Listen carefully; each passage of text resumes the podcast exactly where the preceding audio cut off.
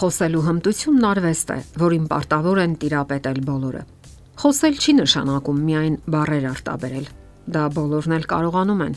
Իսկ ահա խոսել այնպես, որ դիմացինը բավականություն զգա եւ առավել եւս հասկանա, որ իրեն լուրջ են ընդունում եւ իրեն հաշվի են առնում, դա արդեն արվեստ է։ Ցավոք, բոլորը չէ որ տիրապետում են այդ արվեստին եւ հենց դա է հաճախ լուրջ թյուրիմացությունների պատճառ լինում բազմաթիվ ընտանիքներում։ Վեճեր ու տարաձայնություններ երբեմն առաջանում են նույնիսկ այն դեպքերում, երբ կողմերը ցանկություն անգամ չունեն իրար վիրավորելու, եւ այնուամենայնիվ վեճերն առաջանում են։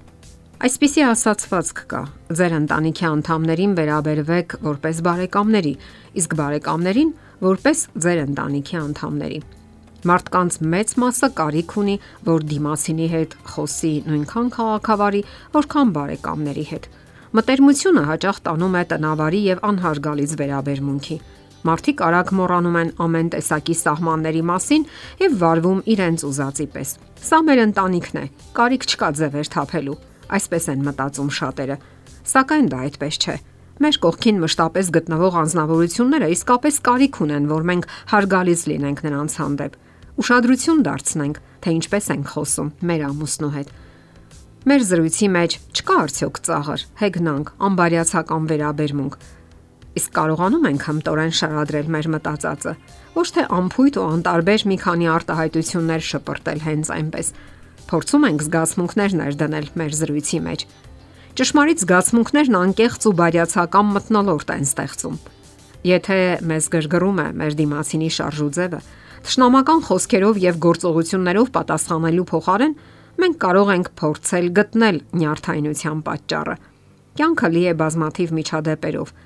որոնց ընթացքում մենք կերտում ենք մեր փոխհարաբերությունները։ Նույն երևույթի նկատմամբ տարբեր մարդիկ տարբեր հակազդեցություն են դրսևորում։ Ենթադրենք ինչ որ մեկի ամուսինը հրաժարվել է նրան զբոսանքի տանել։ Պարտադիր չէ անմիջապես բողոքի ալիք բարձրացնել, Ինձ հետ վարվում ես այնպես կարծես ես ստրկուհի լինեմ։ Դու բացի քեզանից ուրիշ ոչ մեկի մասին չես մտածում։ Քեզ միայն հերոստացույցն է հետաքրքրում, քո պատճառով քիչ է մնում գժվեմ։ Այսպիսի արձագանքները միայն հետագա վեճերի առիթ կդառնան, որովհետև սա կառուցողական զրույց չէ եւ արագ փակուղու առաջ կկանգնեցնի։ Հնարավոր է նույնիսկ համառության, հակառակության եւ թշնամության տրամադրություն ծնի։ Շատ ավելի կառուցողական կլինի, եթե խոսեք սեփական զգացմունքների մասին, թե ինչքան շատ եք հոգնել, ինչքան եք աշխատել, թե ինչպես ամբողջ շաբաթ տանն է եղել, այս ու այն կողմ պատտվել, թե ինչքան անհրաժեշտ է թարմանալն ու հանգստանալը։ Որ շատ եք ցանկանում ամուսնու հետ միայնակ լինել, շփվել, հեռանալ առօրյա հոգսերից ու հիմնախնդիրներից, ընդ որում կարիք չկա նաև քննադատելու եւ առավել եւս հանդիմանելու։ Ասենք որ շատ քիչ ամուսիններ կան, ովքեր կառաշկեն այսպես մտածող կնոջը։ Սեփական զգացմունքները վկայակոչելը հարցակում կամ պաշտպանություն չի ենթադրում եւ բացառում է փոխադարձ վիրավորանքները։ Պատկերացնենք այսպիսի իրավիճակ։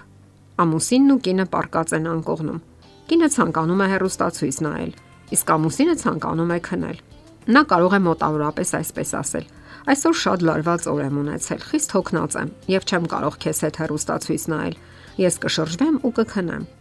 Ամուսինները հաճախ են զարմանում, իմանալով թե իրականում ինչ է զգում դիմացինը այս կամ այն իրավիճակում։ Հաճախ ի պատասխան նրանք կարող են ասել.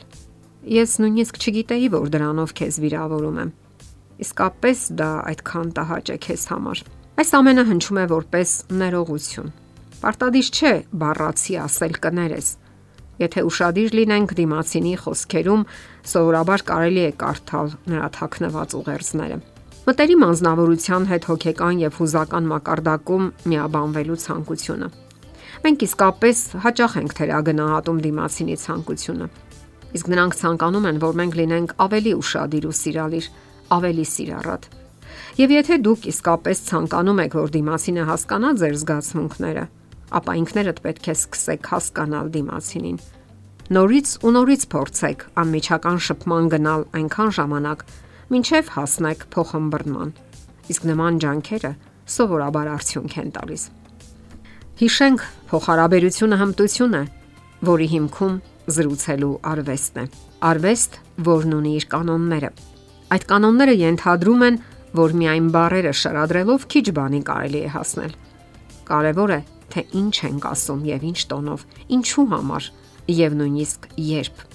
Հաճախ լավ բարերը ոչ իրեն ժամանակին, ոչ բարեհարմար տոնով կարող են թյուրըմբռնումների պատճառ հանդիսանալ։ Իսկ ընդհանուր առմամբ հարկավոր է ներել դիմացինին, հասկանալ նրա աշխարհը եւ լինել սիրալ իր ամուսին եւ կողակից, ում համար անկարևոր չէ, թե ինչպես է խոսում իր հետ սիրելի անznավորությունը։ Հետևեք ձեր բարերին ու մտքերին։ Դա իսկապես կարևոր է։ Եթերում է ընտանիք հաղորդաշարը։ Ձեզ հետ է Գեղեցիկ Մարտիրոսյանը։ Հարցերի եւ առաջարկությունների դեպքում զանգահարեք 094 08 2093 հեռախոսահամարով։ Հետևեք մեզ hopmedia.am հասցեով։